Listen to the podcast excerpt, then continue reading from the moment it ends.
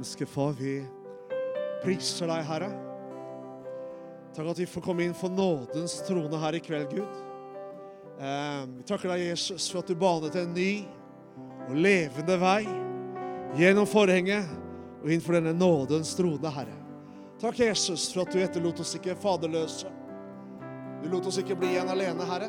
Men du sendte talsmannen, Den hellige ånd, til oss. Og Hellige ånd, vi ønsker deg velkommen her i kveld. Fri oss. Beskytt oss, far, fra bare å ha møter i rekken av møte, Gud.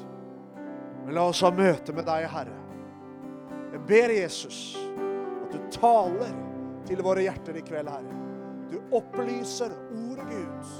Åpenbarer ved din ånd, Herre. Når ditt ord åpner seg, da gir det lys, Herre. Vi bare priser deg, Herre, du er sammen med oss her i kveld. Jeg ber om at du skal velsigne barna som er på, på, på barnemøtet, Herre. Takk at du er hos dem med din ånd, Herre. Du velsigner medarbeiderne. La dem bare få være kanaler for din ånd, Herre. Så takker vi at du er her, Gud. Jeg Ber om at du skal velsigne hver og en, far. Du som har fredstanker, framtid og håp for hver og en av oss. Du ser den yngste, og du ser oss opp til den eldste, Herre. Vi ærer og priser deg, Herre, for din store nåde. Takk at du fridde oss ut fra mørkets makt, og du satte oss over i din elskede sønns rike. Halleluja. Takk, Jesus. Takk og lov. Det er så fint å være sammen med dere. Gleder meg til Eller vi har gleda oss til å være sammen med dere. La meg bare høre her. Er det noen her som eh, har magesmerter? Tusen takk til lovsangerne her. Skal vi gi dem en takk? Kjempefint. Er det noen her som sliter med magesmerter eller et annet trøbbel med magen? Så kan du godt bli sittende. Men bare løfte på han, så skal vi be om at Jesus rører ved deg. Gud velsigne deg og deg. Er det noen flere? Der, ja. ja. Du, ok, Dere som har trøbbel med meg, bare legg handa på magen, så skal vi si at Jesus helbreder nå. Takk, Jesus, at du er Jehova Rafa. Du er Herren vår lege. Ditt navn er en utgitt salve med legedom. Ved dine sår har vi fått legedom, Jesus. Du som tilgir alle våre synder og leger alle våre sykdommer. Du, Jesus, du gikk omkring og gjorde vel og helbredet ikke mange, ikke noen, men alle som var underkuet av djevelen, står det. Og Nå ser du hver enkelt som uh, i tro legger hånda på magen, og som har smerter, diagnoser, trøbbel og vanskeligheter. Nå ber jeg om at du leger og helbreder. La det gå en kraft ut fra deg nå, Jesus, og inn i der hvor det er smerter, der hvor det er problemer. Plager, smerte, sykdom. Forsvinn! I Jesu navn. Takk at du leger Jesus. Du, du tar bort sykdommen og plagene. Du som ga oss et løfte at du skal holde sykdom borte fra vårt telt. I Jesu navn. Amen. Vær så god og sitt. Bare tuller. um, um, var her for noen år siden, ja. Og siden Da bodde jeg på Hamar, så da hadde jeg et stykke å kjøre nå. Jeg flytta til Tønsberg for å komme nærmere dere. Så, så da er det ikke så lang vei. Og det er jeg glad for. Jeg må bare koble til kontakten her. Så det er kraft i systemet. Uh, og vi skal da, som du har forstått, preke om Israel. Og jeg må jo bare si det sånn at både Vidar og Philip har talt prekenen min. Så jeg lurer litt på hva jeg skal si. Nei da. Uh, det går nok bra.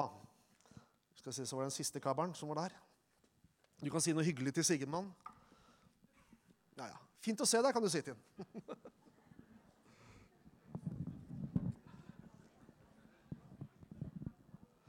Så kjekt at du er her i dag. Ok. Da tenker jeg vi snart er på her.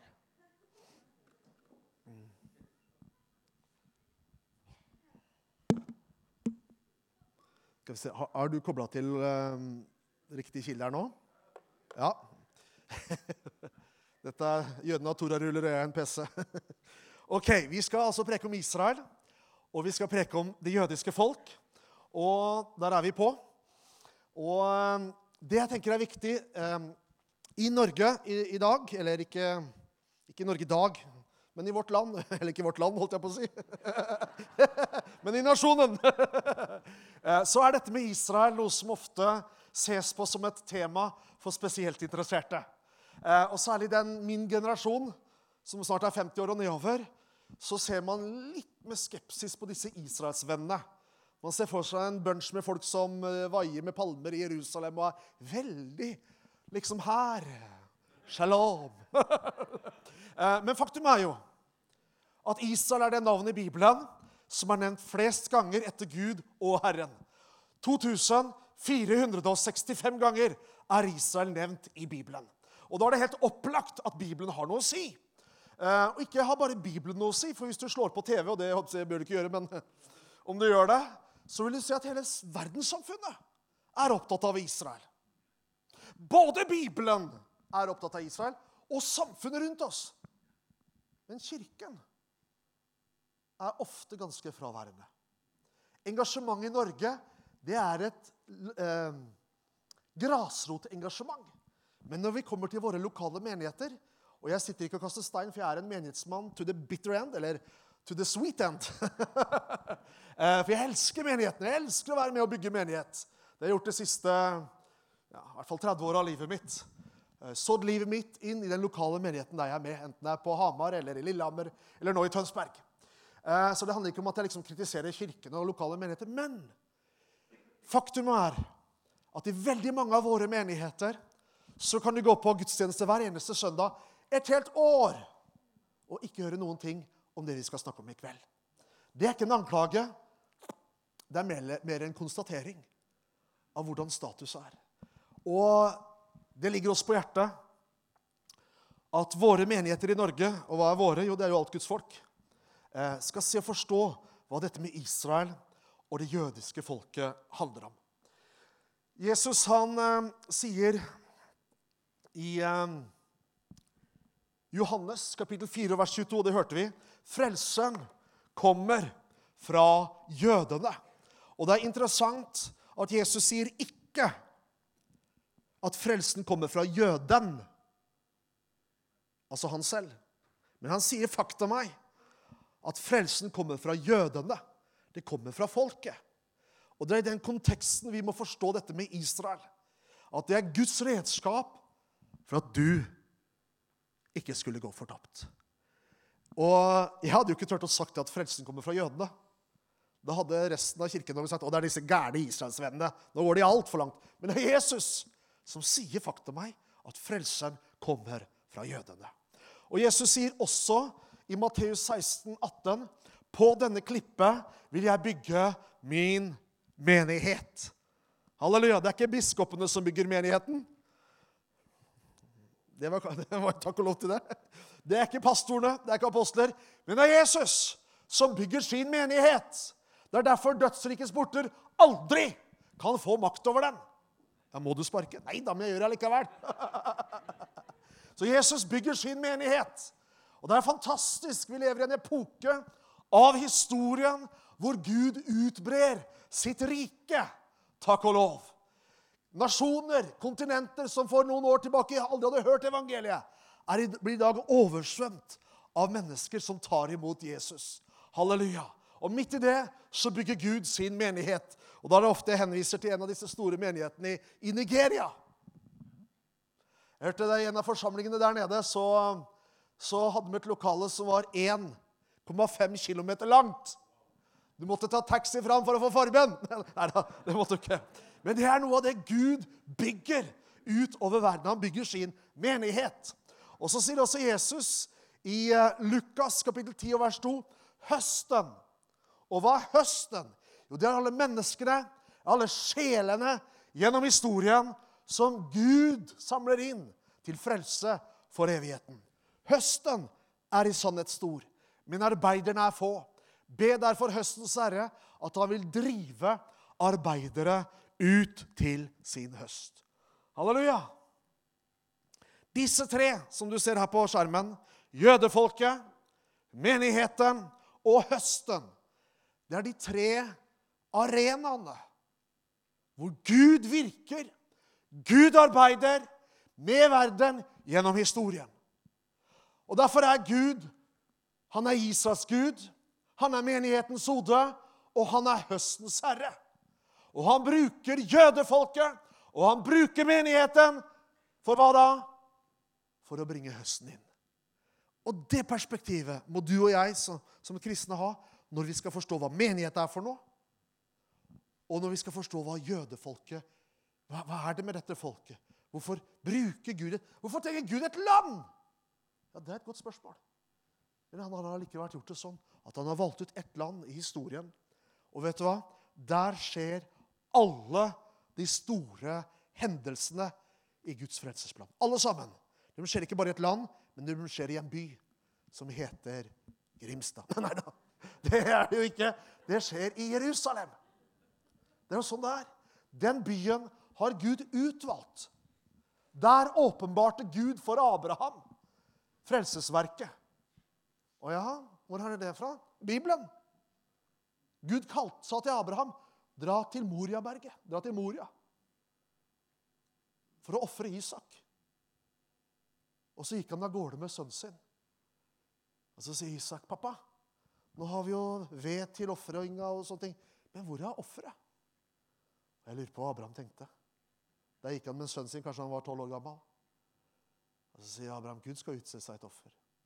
Og Så står det så gripende at de kom til berget, og så lot de tjenerne være igjen. Og disse hestene eller muldyr eller esel eller hva det var. Kameler var det ikke. Um, og så tok han med seg Isak opp på Moriaberget. Og så i offeralteret. Og så kommer det så langt at han er rede til å ofre sønnen sin. Hvorfor det? Bibelen sier fordi han trodde på den Gud som kunne gjøre de døde levende. Og idet han skulle sette kniven i, så roper en Herren seg, 'Nei, Abraham, her er et offer som Gud har utsatt seg.' Og så står det så herlig. Hør hva, sier, hør hva Bibelen sier. Abraham så opp, og han så, står det. Det var en selvfølge. Han så jo opp. Men Bibelen sier Abraham så opp, og han så! Hva så Abraham for 4000 år siden på dette fjellet i Midtøsten? Jo, Jesus sier det. Jeg tror det var der det skjedde. Abraham så min dag, og han gledet seg. Jeg tror at Gud åpenbarte på Moriafjellet. Det er midt i Jerusalem i dag. Der åpenbarte han Guds frelsesplan for menneskeheten. At en dag så skulle det komme et offer som ikke bare var menneskesønn, men Guds sønn, til soning for verdens synder. Og han gledet seg, for han visste at ut av hans etterkommere, ut av hans slekt, så kommer det et sonoffer for denne verdens synder.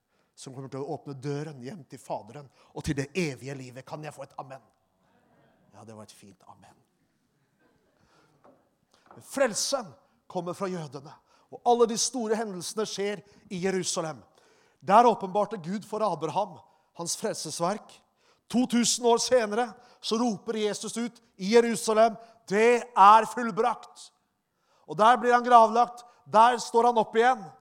Og fra den byen så reiser han hjem. Han kunne ikke reise fra Nasaret. Han kunne ikke reise fra Tel Aviv, for det fantes ikke. Han kunne ikke reise fra Negev-ørkenen. Han måtte reise fra Guds by, Jerusalem. Og så går det en tid etter det, noen dager. Er det 50 dager, vel? Og så kommer pinsedagen. Eller er det 50 dager etter hans oppstandelse? Nå begynte jeg å surre her i toppen. Vi fortsetter. Så utøses Guds ånd på pinsedagen. Ikke i Tiberias Vegenersjøen, men i Jerusalem. Og så vet vi at han kommer tilbake en dag. Og da kommer han tilbake til Jerusalem. Alle de store hendelsene skjer i Jerusalem. Og den siste grande finalen den leser du om i Johannes' åpenbaring. Da står det at Satan skal være bundet i 1000 år. Og så skal han slippes fri. Og hva gjør han? Jo, han går til krig mot den elskede byen. Og hvilken by er det? Når leser det i Bibelen, så er det Jerusalem. Og idet han gjør det, så griper Gud inn og kaster han i ildsjøen. Det, det første han gjør når han slippes fri fra sitt fengsel, og det siste han gjør gjennom evigheten, det er å angripe Jerusalem. Hvorfor det? Jo, Jesus sier det rett ut.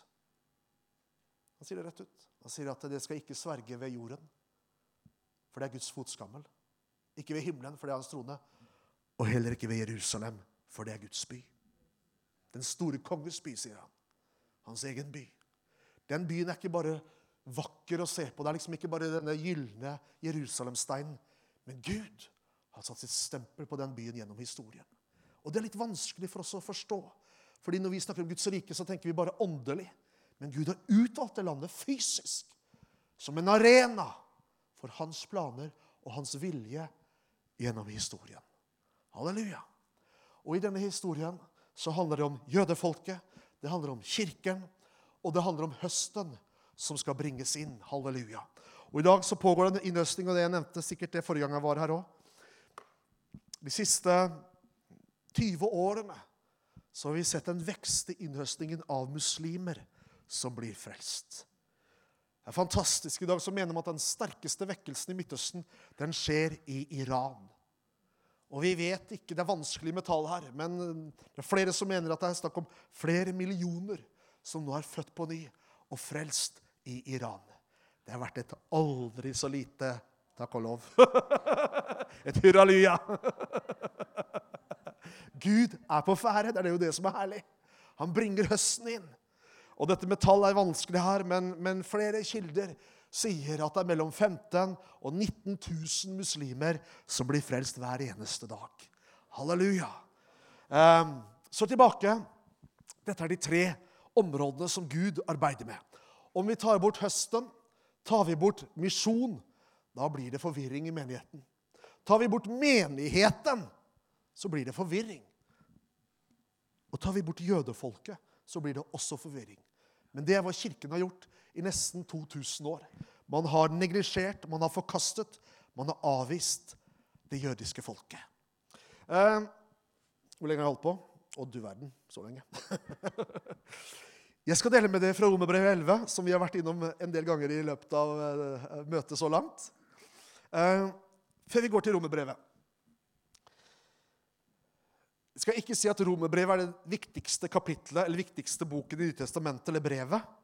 For det blir så dumt å snakke sånn. Noen ganger så sier at det er det viktigste. Men det betyr jo at da setter vi Bibelen opp mot Bibelen. Og sånn er ikke Bibelen. Bibelen sier at summen av Guds ord er sannhet. Men det vi kan være enige om, det er jo at romerbrevet er viktig. Og hva er romerbrevet? Det er jo det første brevet eh, som vi leser i Nytestamentet.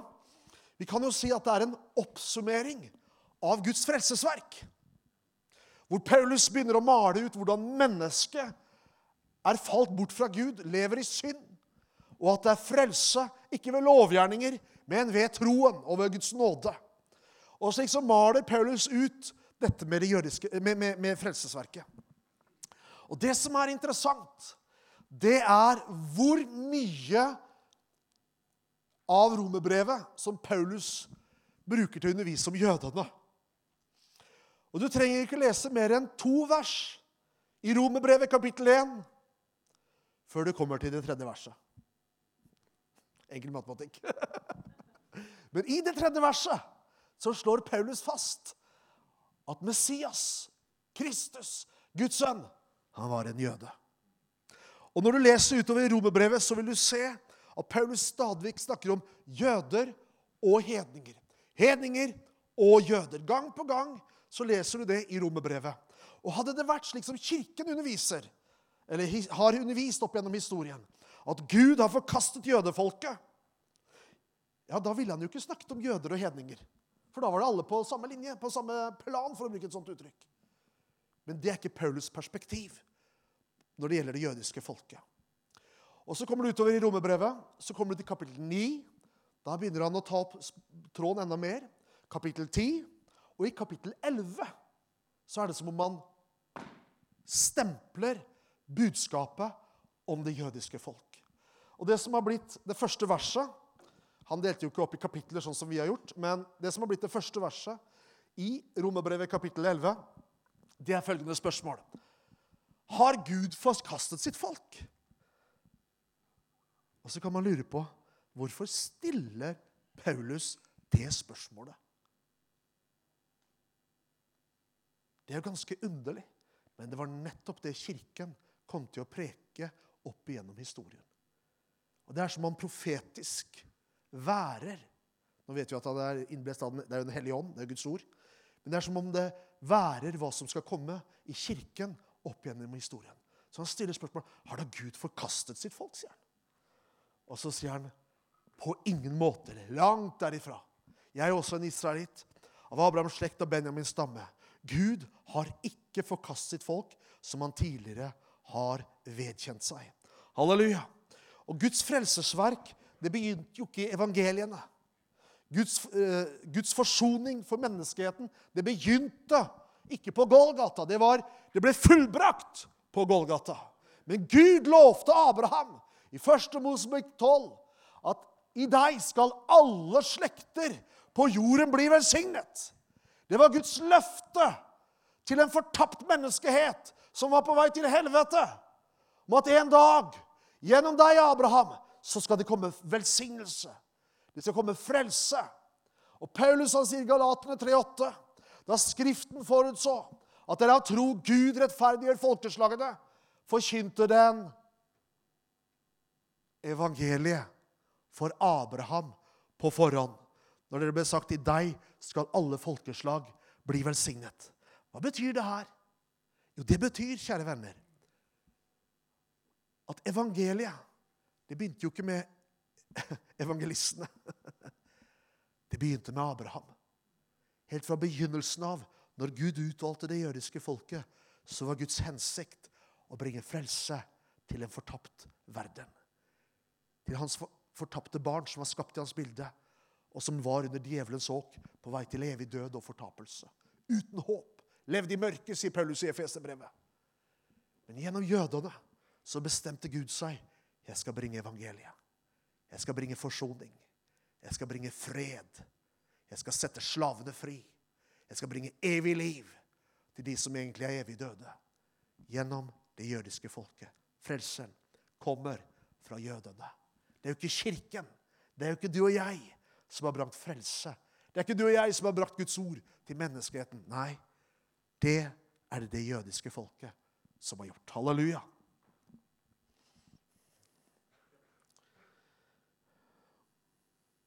Vi hopper over det her.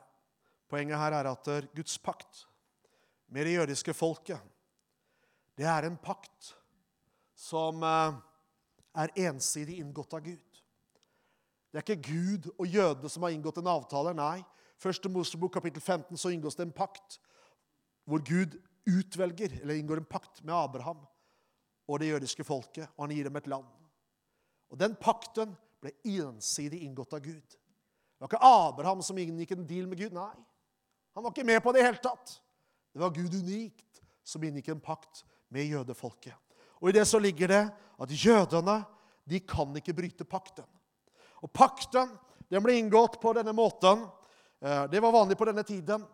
Man gikk mellom dyr som man skar i to, og så uttalte man pakten. Som ble paktsinngåelse gjort på denne tiden. Det kunne være to stammehøvdinger, det kunne være to ledere som inngikk en forsvarspakt. Og så gikk de mellom disse dyrene, og så uttalte de pakten.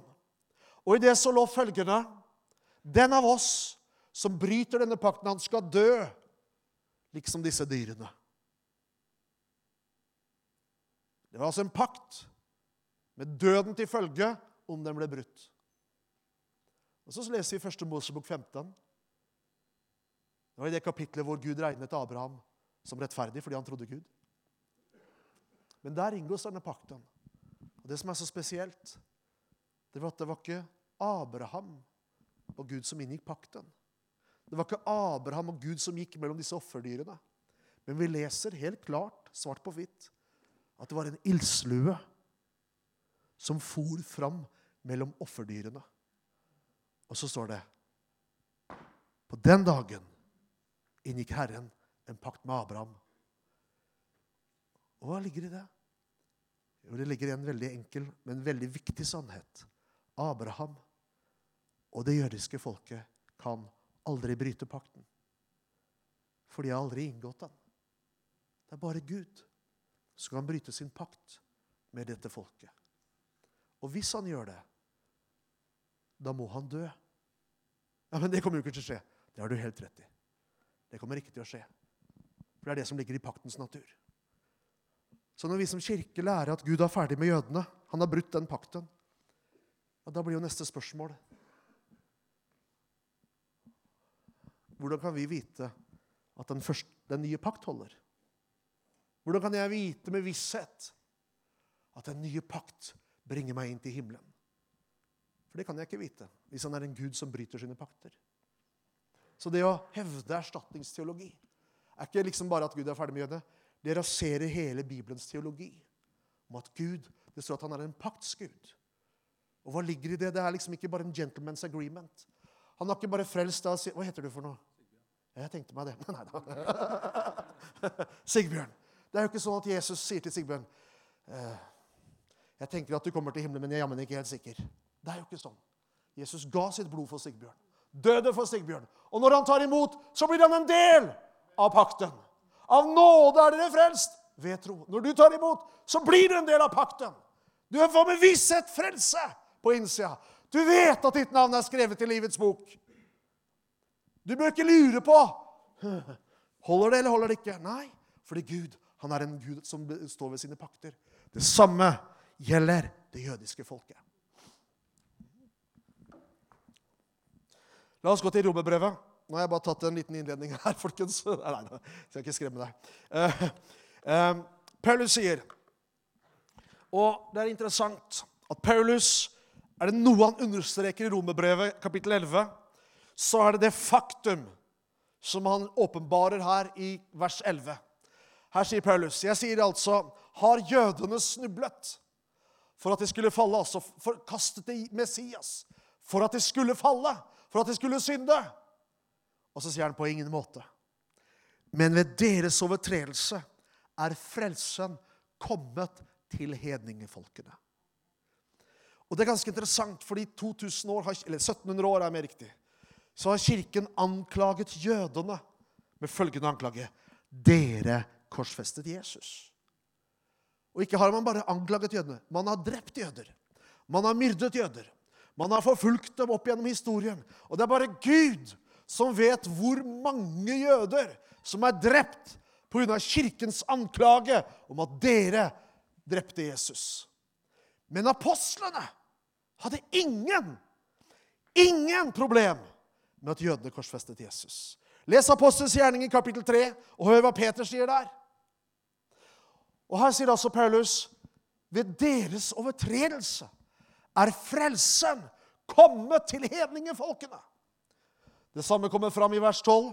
Hvis nå jødenes fall er blitt til rikdom Du skjønner at det her er et mysterium. Det var For en tid tilbake jeg snakket med en, en kvinne. Hun var ikke jøde, hun var kristen. Aktiv kristen. Politisk engasjert. Og Så snakker vi om Israel, vi snakker om jødene, og så, og så kommer dette liksom fra siden. Men det var jo de som korsfestet Jesus. Men så Paulus preker ikke på den måten der. Det Paulus gjør, han bruker bred pensel for å forklare kirken i Rom om at dere må forstå at jødene falt for at du skulle bli reist opp. Jødene sa nei fordi at du skulle få muligheten til å si ja.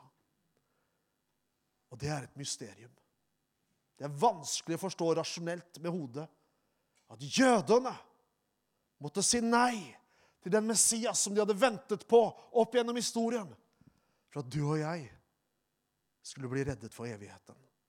Men det er Paulus sin, sitt budskap i Romerne 11. I vers 15 så sier han for om jødenes forkastelse, altså av Jesus, er til forlikelse eller til forsoning for verden. Her sier han ifølge, i vers 28, ifølge evangeliet er jødene fiender for deres skyld. Min frelse var gratis. Nei, det var den ikke. Jesus betalte for den, og det jødiske folket.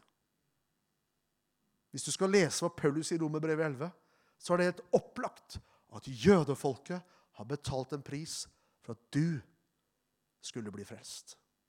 Det er derfor Jesus sier frelseren kommer fra jødene. Ifølge evangeliet er de fiender, eller i forhold til evangeliet er de fiender for din skyld. Men ifølge utvelgelsen er de elsket for fedrenes skyld. For Guds nådegaver og kall kan ikke tas tilbake.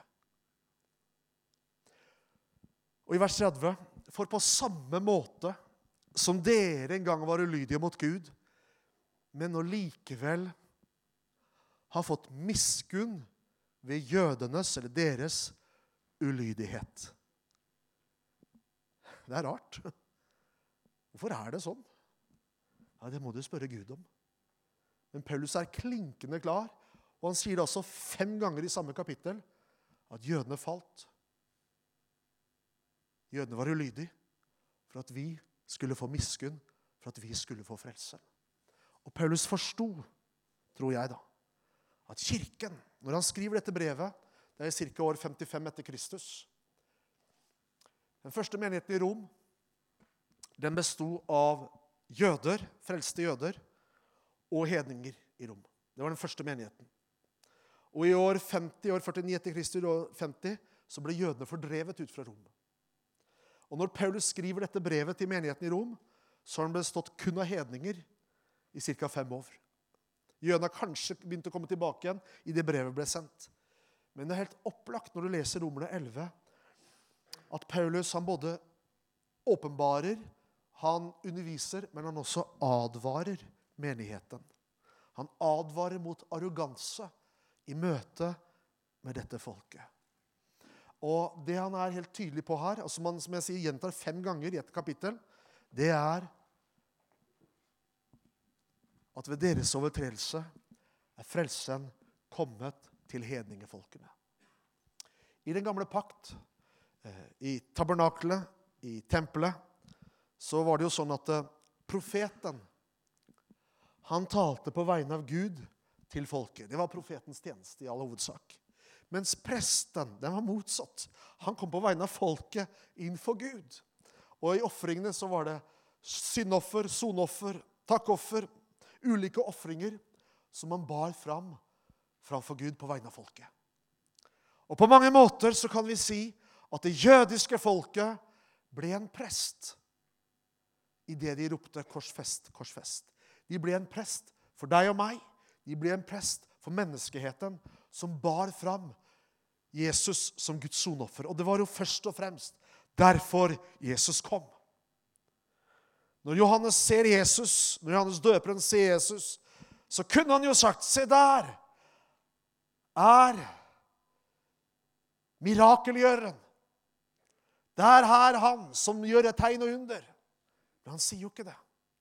Han sier, 'Se der er Guds lam, han som bærer verdens synder'.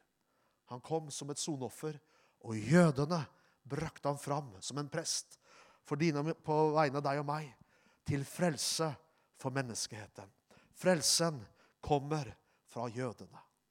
Og jeg sa at Paulus han advarer. Det det er, en, det er en del litt pekefinger fra Paulus når han begynner å undervise om jødene. Og Han sier her i vers 17, det har vi også hørt, om noen av grenene ble brukket av, og du som var av et vilt oliventre, ble innpodet blant dem, og sammen med dem fikk del i roten og sevjen fra oliventreet, så står det Så ros deg ikke overfor grenene. Ros deg, ikke overfor grenene. Hva er det for noe? Ikke vær hovmodig i møte med dette folket. Kjære kirke, sier Paulus, ikke vær arrogant i møte med dette folket. Vi hadde en herlig bror ansatt i arbeidet vårt, han som het Pål Pedersen. En epoke. Og uh, når han jobba for oss, så var det en pastor som sa til han, samme hvor det var, samme hvem det var. Men han sa det til Pål. Så sa han, 'Du, Pål, du må komme og besøke oss igjen. Komme og preke på en søndagsgudstjeneste.' Men ikke et ord om Israel. Og vi kan le litt, men Paulus advarer imot det. Ikke ros deg overfor grenene. En kjent predikant i Skandinavia, jeg skal ikke si hvem, han sa det slik Når jeg skulle møte med jødene og bli kjent med dette folket, så sa han følgende da måtte jeg gå ned av hesten min, sånn. Og det var godt formulert.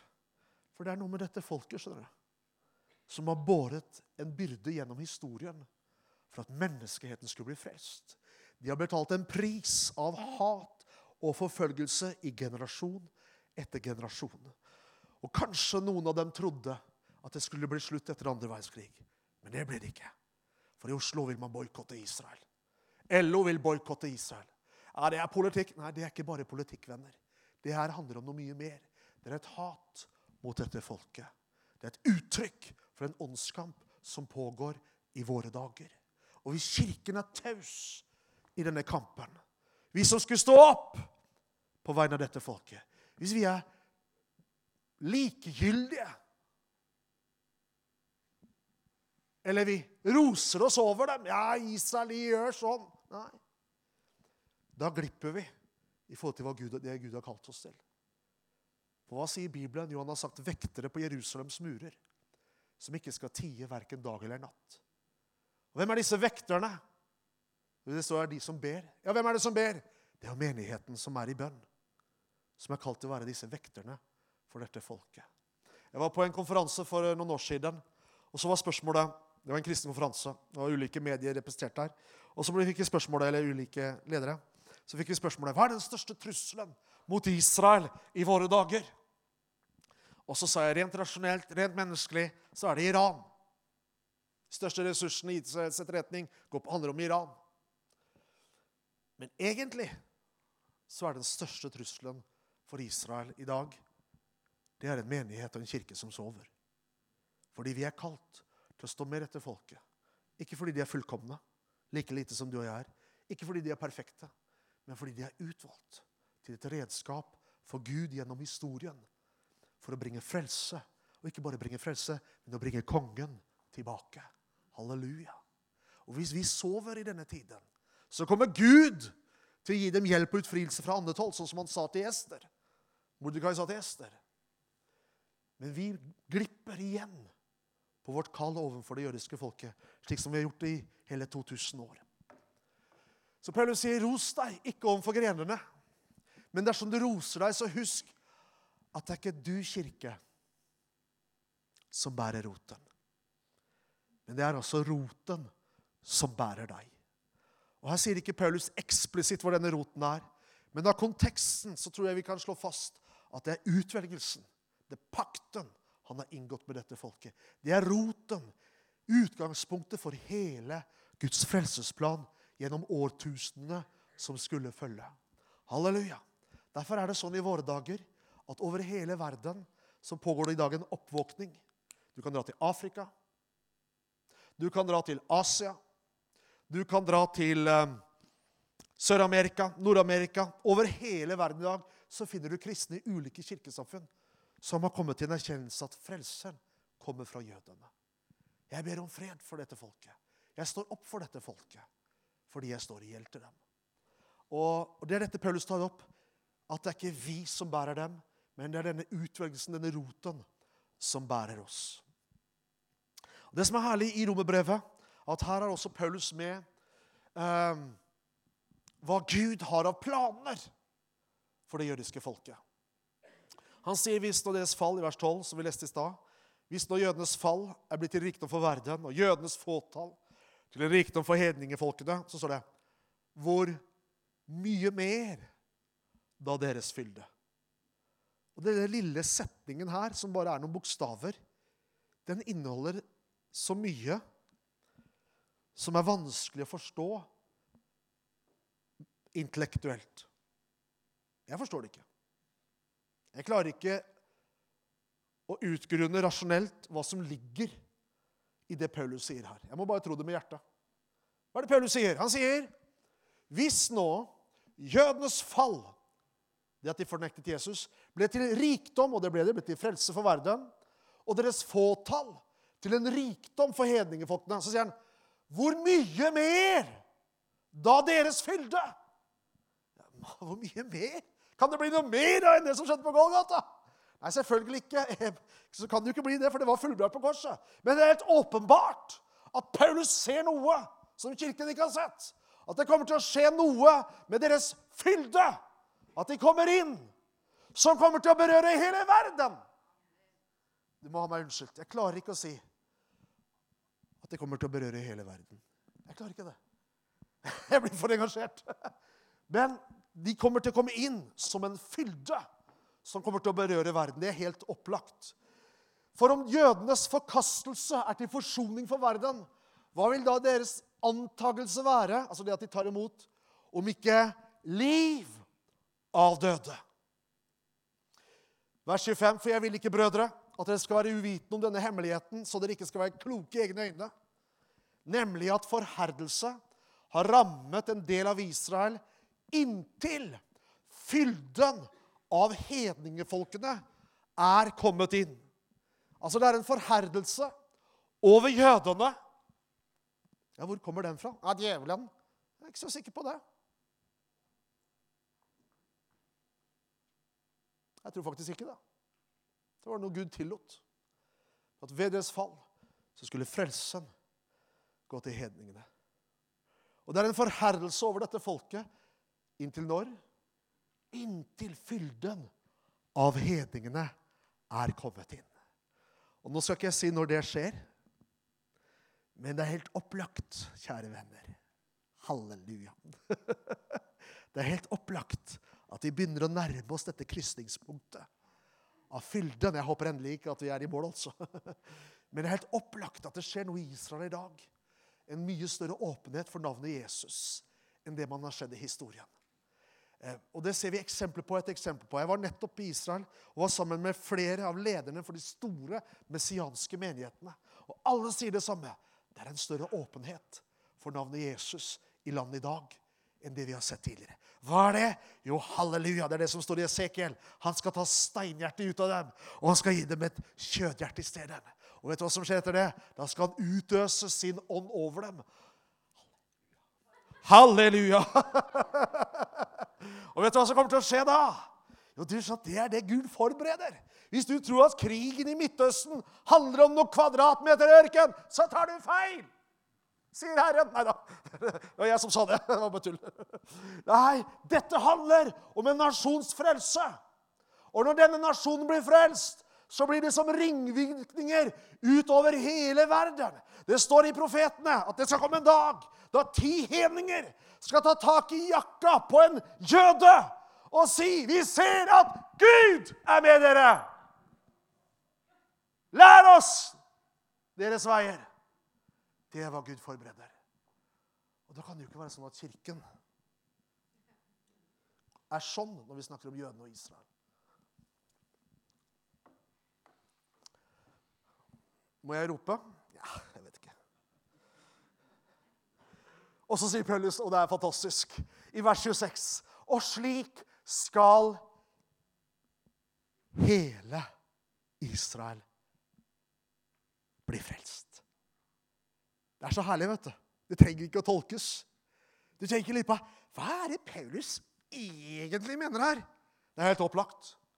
Og slik skal hele dette folket bli frelst. Det fins ikke en nasjon, ikke engang Norge, som har løftet om at nasjonen skal bli frelst. Vi kan be om det. Og vi vet at Gud vil det. Men det er bare dette folket vi snakker om i kveld, som Skriften har gitt et løfte om at de kommer til å bli frelst, hele nasjonen. Er det mulig? Absolutt! For alt er mulig for Gud. Og det er hva Gud forbereder i Midtøsten i våre dager.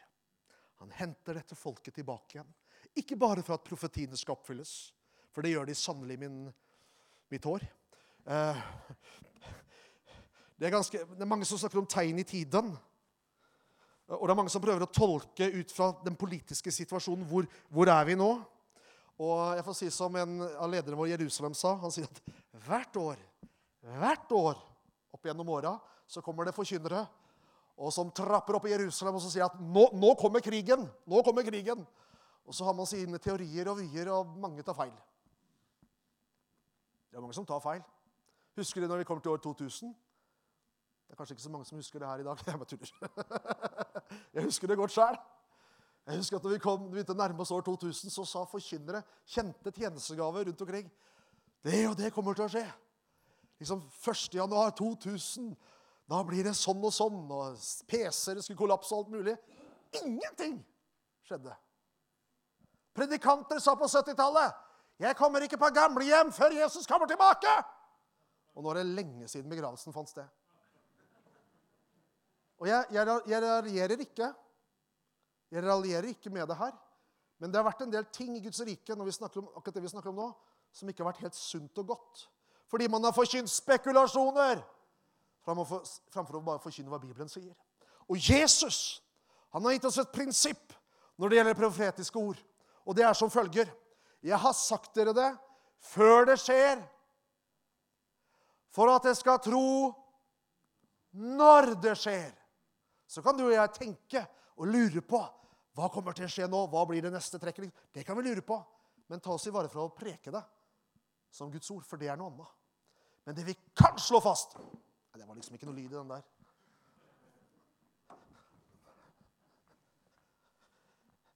Holder den?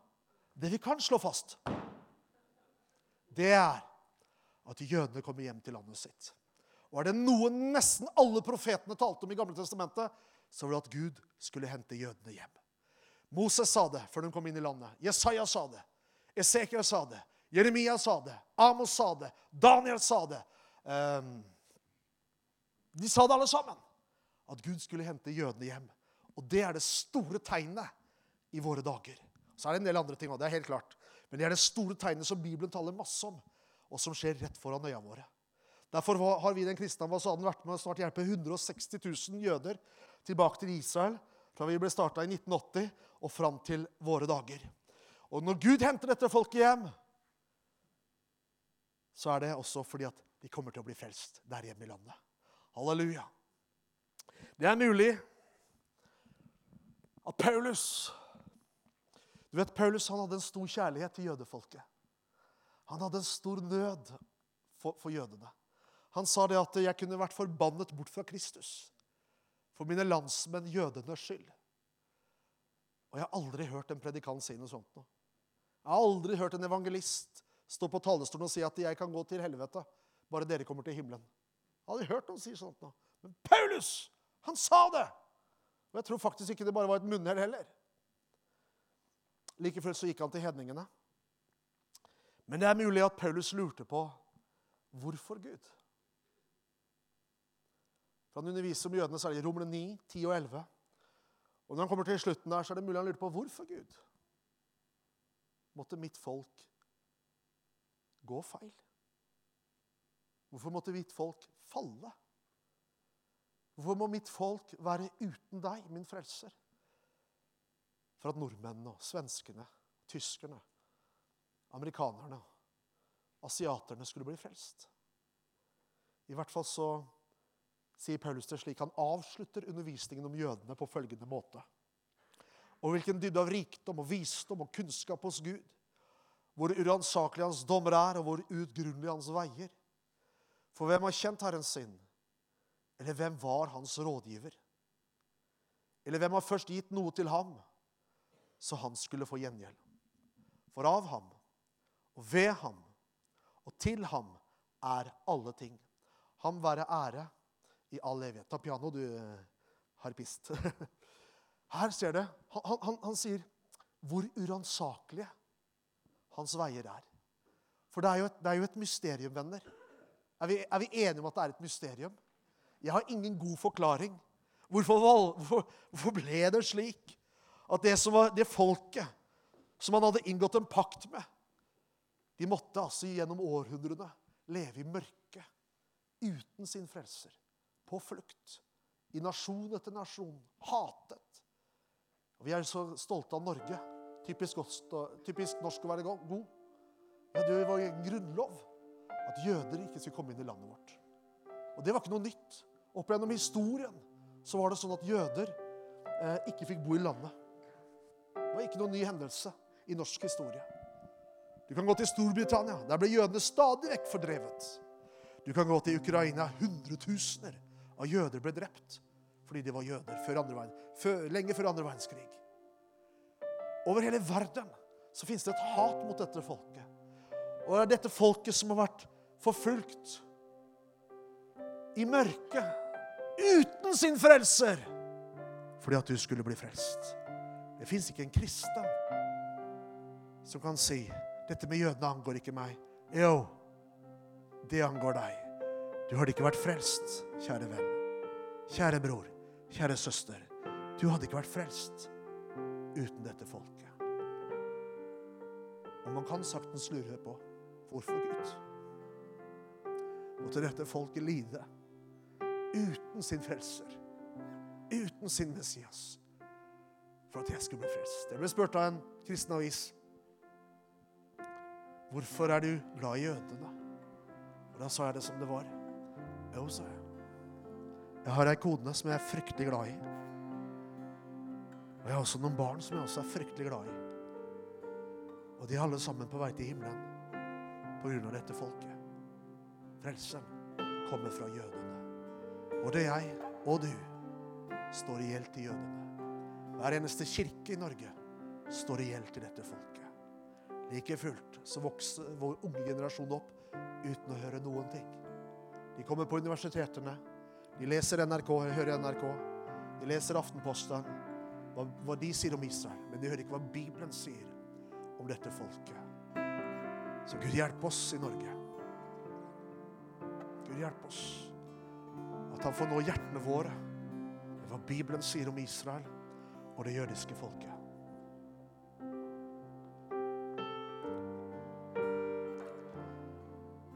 Og vi hørte det her i stad. Paulus, vi, vi hørte det her i stad flere ganger, tror jeg. Men nå drar jeg til Jerusalem, sier Paulus, for å tjene de hellige, for de fra Makedonia og Kaia hadde et stort ønske om å få gi en gave til de fattige blant de hellige som er i Jerusalem. Ja, dette vil de svært gjerne gjøre. Og de, altså vi hedninger, står i gjeld til dem. For dersom hedningefolkene har fått del i jødenes åndelige goder, da er det også hedningene, eller kirkens plikt, å tjene jødene med de materielle goder. Du står i gjeld, og jeg står i gjeld. Og om Paulus i de 55 årene etter Kristus kunne si at vi som kristne står i gjeld til jødene, da sier jeg wow. Etter 2000 år med kirkehistorie mot jødene, hvor stor har denne gjelden blitt? Og Du kan sitte her og si shalom. Du kan si ja, Gud velsigne Israel. Endrer ingenting hos dette folket. Men når du tar grep, står opp for dette folket, når du, når du begynner å tale dette folkets sak, når du begynner å be for dette folket, når du begynner å sende penger for å velsigne dette folket, da er det noe som skjer hos det jødiske folk. Og Jeg har opplevd det gang på gang på gang. Når jeg er i Israel, Vi har brakt tusenvis til Israel gjennom årene. Løvehyttefesten hvert år er det største kristne arrangementet i landet. Største turistarrangementet i landet som vi har på høsten i Jerusalem. Vi er der i landet, og vi møter jøder. Og så spør de hvorfor er dere her? Og så sier jeg at vi er, vi er kristne som er glad i dere. Jeg vet ikke hvor mange ganger jeg har sett i løpet av samtalen at tårene begynner å renne. Vi ønsker å vise jødene et annet ansikt av Jesus. I dag tar vi hånd om holocaust-overlevende i Haifa. Det er 200 000 av dem i landet. 30% av dem lever under fattigdomsgrensen. Og så sier jeg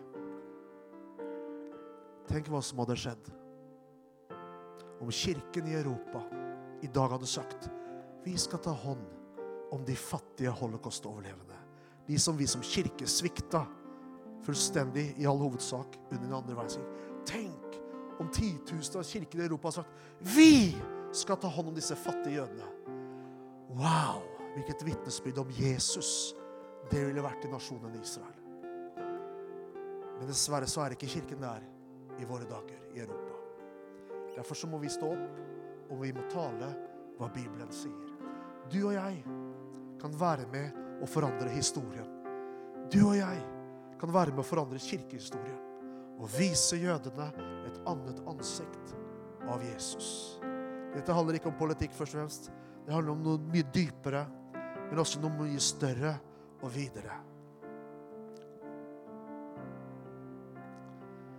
Bibelen sier i Matteus at det kommer en dag der Gud skal dømme nasjonene. Og han skal samle nasjonene framfor seg, fårene og geitene. Og så felles det en dom. Og jeg, det er ting ved den, den, det som står der, som ikke jeg forstår. eller har full åpenbaring om. Det må jeg bare erkjenne. Men det står at det dere gjorde mot en av disse mine minste brødre, det gjorde dere mot meg.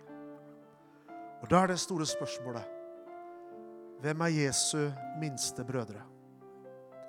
Her slår jeg ikke bordet med noe, for jeg er ikke sikker. Det kan være alle troende. Det kan være alle martyrer. Alle forfulgte. Mulig, jeg vet ikke. Men skal jeg være ærlig med deg, så er jeg helt sikker på at han du ser på skjermen bak meg, han er en av Jesu minste brødre. Og Det står i profeten Jesaja. Nå skal jeg snart avslutte. Det står i profeten Jesaja hvor, der hvor Jesus preker i synagogen. Og så leser han fra profeten, fra profeten Jesaja kapittel 61. Um, jeg har bare lyst til å presisere en ting. Jeg vet ikke om du har, kanskje har hørt når det skjer ting rundt omkring i verden, så er det en del av oss Israels venner som sier at det er Guds dom. Det er Guds dom ut fra hvordan man behandlet Israel. Men jeg tror ikke det. Jeg tror vi lever i nådens tidshusholdning, venner. Eh, og Jesus han sier, Jesus han kommer til synagogen i Nasaret, og så leser han fra kapittel 61 i Jesaja. Og han leser, og jeg siterer fra profeten. Herren Guds ånd er over meg, for han har salvet meg til å forkynne evangeliet for fattige. Han har sendt meg for å forbinde dem som har et sønderbrutt hjerte, for å rope ut frihet for fanger, for å sette bundne fri. For å rope ut et nådens år fra Herren. Og der stopper Jesus. Han stopper der. Det står at folket så på han fordi han stoppet midt i setningen. Og hva var det han sa? Han er kommet for å rope ut et nådens år fra Herren. Hadde han fortsatt å lese, så hadde han forkynt for sitt, fra sitt neste komme. For hva er det som står videre i, Bibelen her? Jo, det står for å rope ut et nådens år fra Herren. Og så kommer det og en hevnens dag fra vår Gud. For å trøste alle som sørger. Og så står det de sørgende i Sion skal få hodepynt i stedet for Hør på det ordet her. I stedet for aske. Gledens olje i stedet for sorg. Lovprisningens drakt i stedet for avmaktsånd. Det skal kalles rettferdighetens trebinter som Herren har plantet, så han kan bli herliggjort. Men det står at han kommer også. Og det er hans neste komme, tror jeg, da. Da kommer han med en hevnens dag. Hvorfor? Han kommer for å trøste de sørgende. Men så står det spesifisert for å trøste de sørgende i Sion.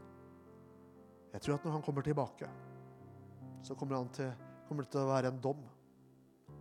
Som kommer til å bringe trøst til dette folket som har vært hatet gjennom alle generasjoner. På løvehyttefesten i høst i Jerusalem så hadde vi viseordføreren. Veldig herlig kvinnelig dame som sto der og talte. Og så sa hun For noen år siden så hadde jeg med dattera mi på dette arrangementet. Og da sa hun Mamma Hun så rundt seg alle kristne som sto der. Mamma, finnes det så mange som er glad i oss? Litt av jente på tolv år. Det kommer en dag når Gud kommer til å trøste de sørgende i Sion. Og da kommer det en dom over nasjonene, over det de har gjort mot dette folket. Gud hjelpe oss i vår tid. At ikke vi er likegyldige, for det er veldig lett å bli det. Rikdommens bedrag og daglivets bekymringer som fanger oss. Men la oss som kirke og menighet stå opp i denne tiden og velsigne dette folket. Stå med dette folket. Ikke, vi elsker alle. Vi.